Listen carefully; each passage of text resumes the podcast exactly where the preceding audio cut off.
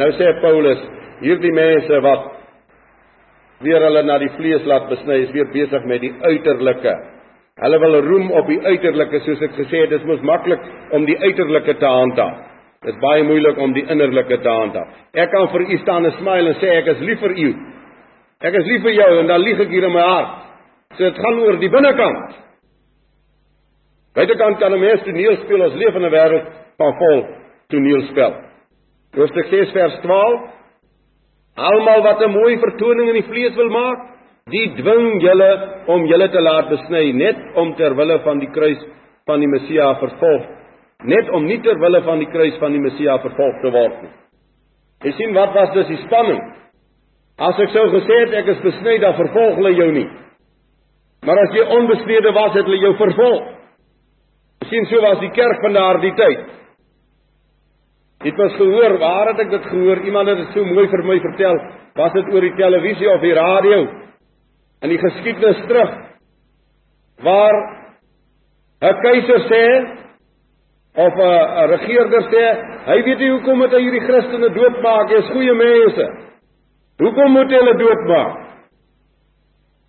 Hulle doen niks kwaad of verkeerd nie, maar er word gesê hy moet hulle doodmaak. Maar hoekom moet hy hulle doodmaak? En het hulle net doodgemaak as hy sê vir die derde keer vir hom sê maar ek is 'n Christen.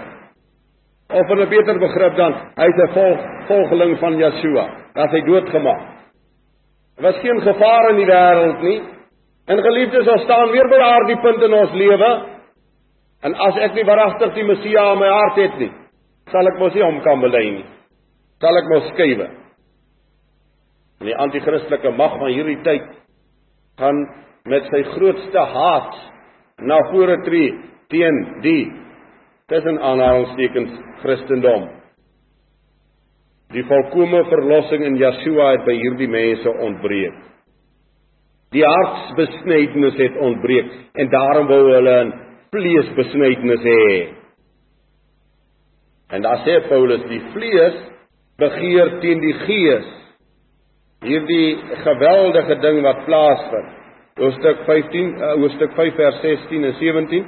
Maar ek sê wandel deur die Gees, dan sal hulle nooit die begeerlikhede van die vlees volbring nie. Want die vlees begeer teen die Gees en die Gees teen die vlees en hulle staan teenoor mekaar sodat julle nie kan doen wat julle wil nie. So daar's altyd 'n stryd. Die mens wat in die vlees dinge wil doen en die mens wat vanuit die Gees dinge doen. En dis die groot stryd en hy gaan nie net tussen die besnede en die onbesnede nie. Hy werk deur in jou ganse bestaan as gelowige werk hierdie gees vlees gesindheid deur. So ek is of in die gees of ek is in die vlees. Ek doen 'n ding vanuit God of ek doen hom vanuit myself. Dit is altyd so. En daarom staan hulle teenoor mekaar. In die in die in die politieke wêreld waarin ons vandag lewe, kan jy kyk die mense wat stry vanuit die gees van God en die mens wat stry die uit die vlees van sy self bestaan. Dan moet jy kyk wat soek hierdie ene en wat soek hierdie ene. As geesmens vanmôre, wat soek ek? Ek soek die koninkryk van Yeshua. Ek soek sy wederkoms. Wat soek die vleesmens van ons tyd? Ek praat in die politiek. Hierso, as ek in die politiek staan, dan soek ek die koninkryk van my Vader.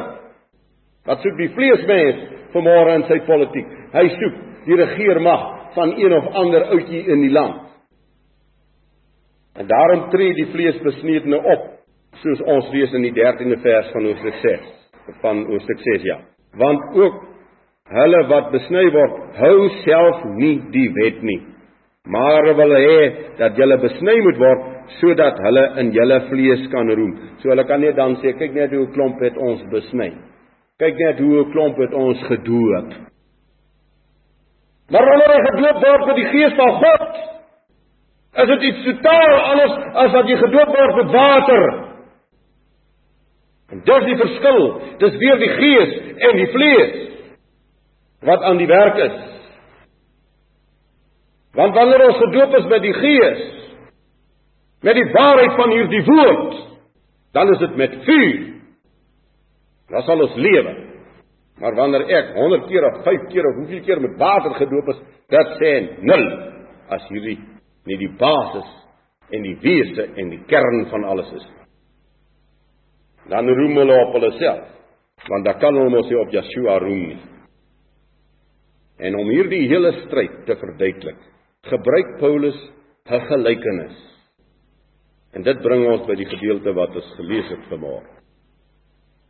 Om nou te verduidelik vir hierdie mense wat hy eintlik bedoel. Sê hy, julle weet mos, Abraham het twee seuns gehad. Die een is gebore uit die slaffin en die een is gebore uit die belofte, uit die gees. Hy sê Isak is die seun van die belofte. Ismael is die seun gebore uit die vlees. En nou dit is mos baie duidelik in die skrif, jy moet uit die gees van God gebore wees. As jy die vlees is, behoort jy nie aan God nie. Ja, dis hoe kom so 'n groot stuk wêreld vanmôre, ek praat van mense. Nie aan God behoort nie. Want ons nie uit hom gebore nie. Hulle is uit die vlees gebore. Elke baster is uit die vlees gebore.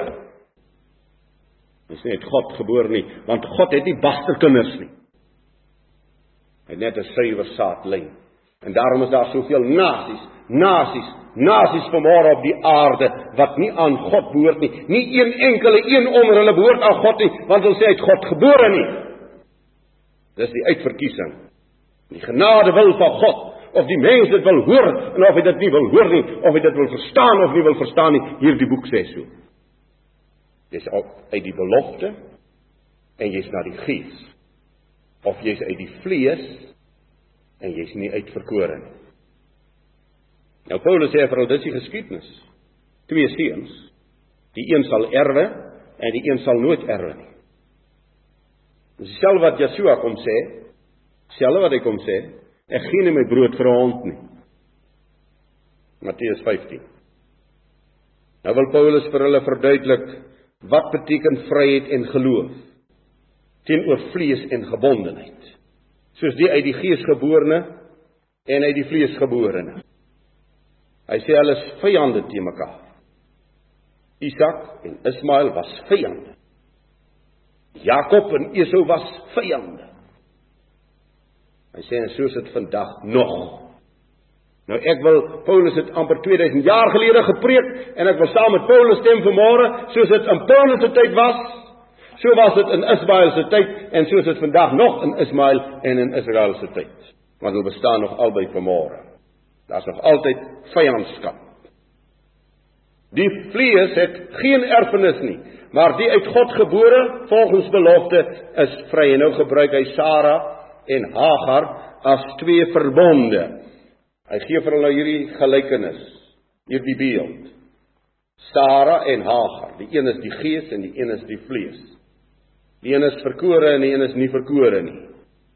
En die simbool van hierdie gelykenis draai verder en hy sê Sara Ekskuus tog Hagar staan nou vir die berg Sinai.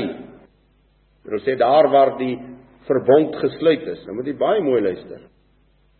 Nou kom hy na die ou en die nuwe verbond. Dis wat hy wil na vore bring. Hy sê Sinai, Sinai staan vir wat? Sinai staan vir hierdie vleesverbond. En daarom sê hy Sinai en die huidige Jerusalem baar kinders vir die slawerny. Kom ons lees Hebreërs. Hoop die Irak moeg nie. Hierdie woord is so aangrypend wonderlik dat 'n mens daarmee kan aanhou van die môre tot die aand. En totdat mense dit begryp en verstaan. Hoofstuk 8 vers 13. As hy sê 'n nuwe verbond het hy die eerste oud gemaak en wat oud word en verouder is naby die verdwyning. Hebreërs 10 vers 8. Nadat hy hierbo gespreek het slagoffer en spysoffer en brandoffers en sondoffers wou u nie hê en het u nie behaag nie wat volgens die wet geoffer word. Daar sien jy dit mos. Sinai met al sy offerhandes en met al sy instellings het God Jahwe nie behaag nie, maar dit was soos Paulus sê, 'n tydelike handeling om ons onder bewaring te hou onder hierdie wet van instellings totdat die genade sou kom, totdat Yeshua ge, geoffer sou word.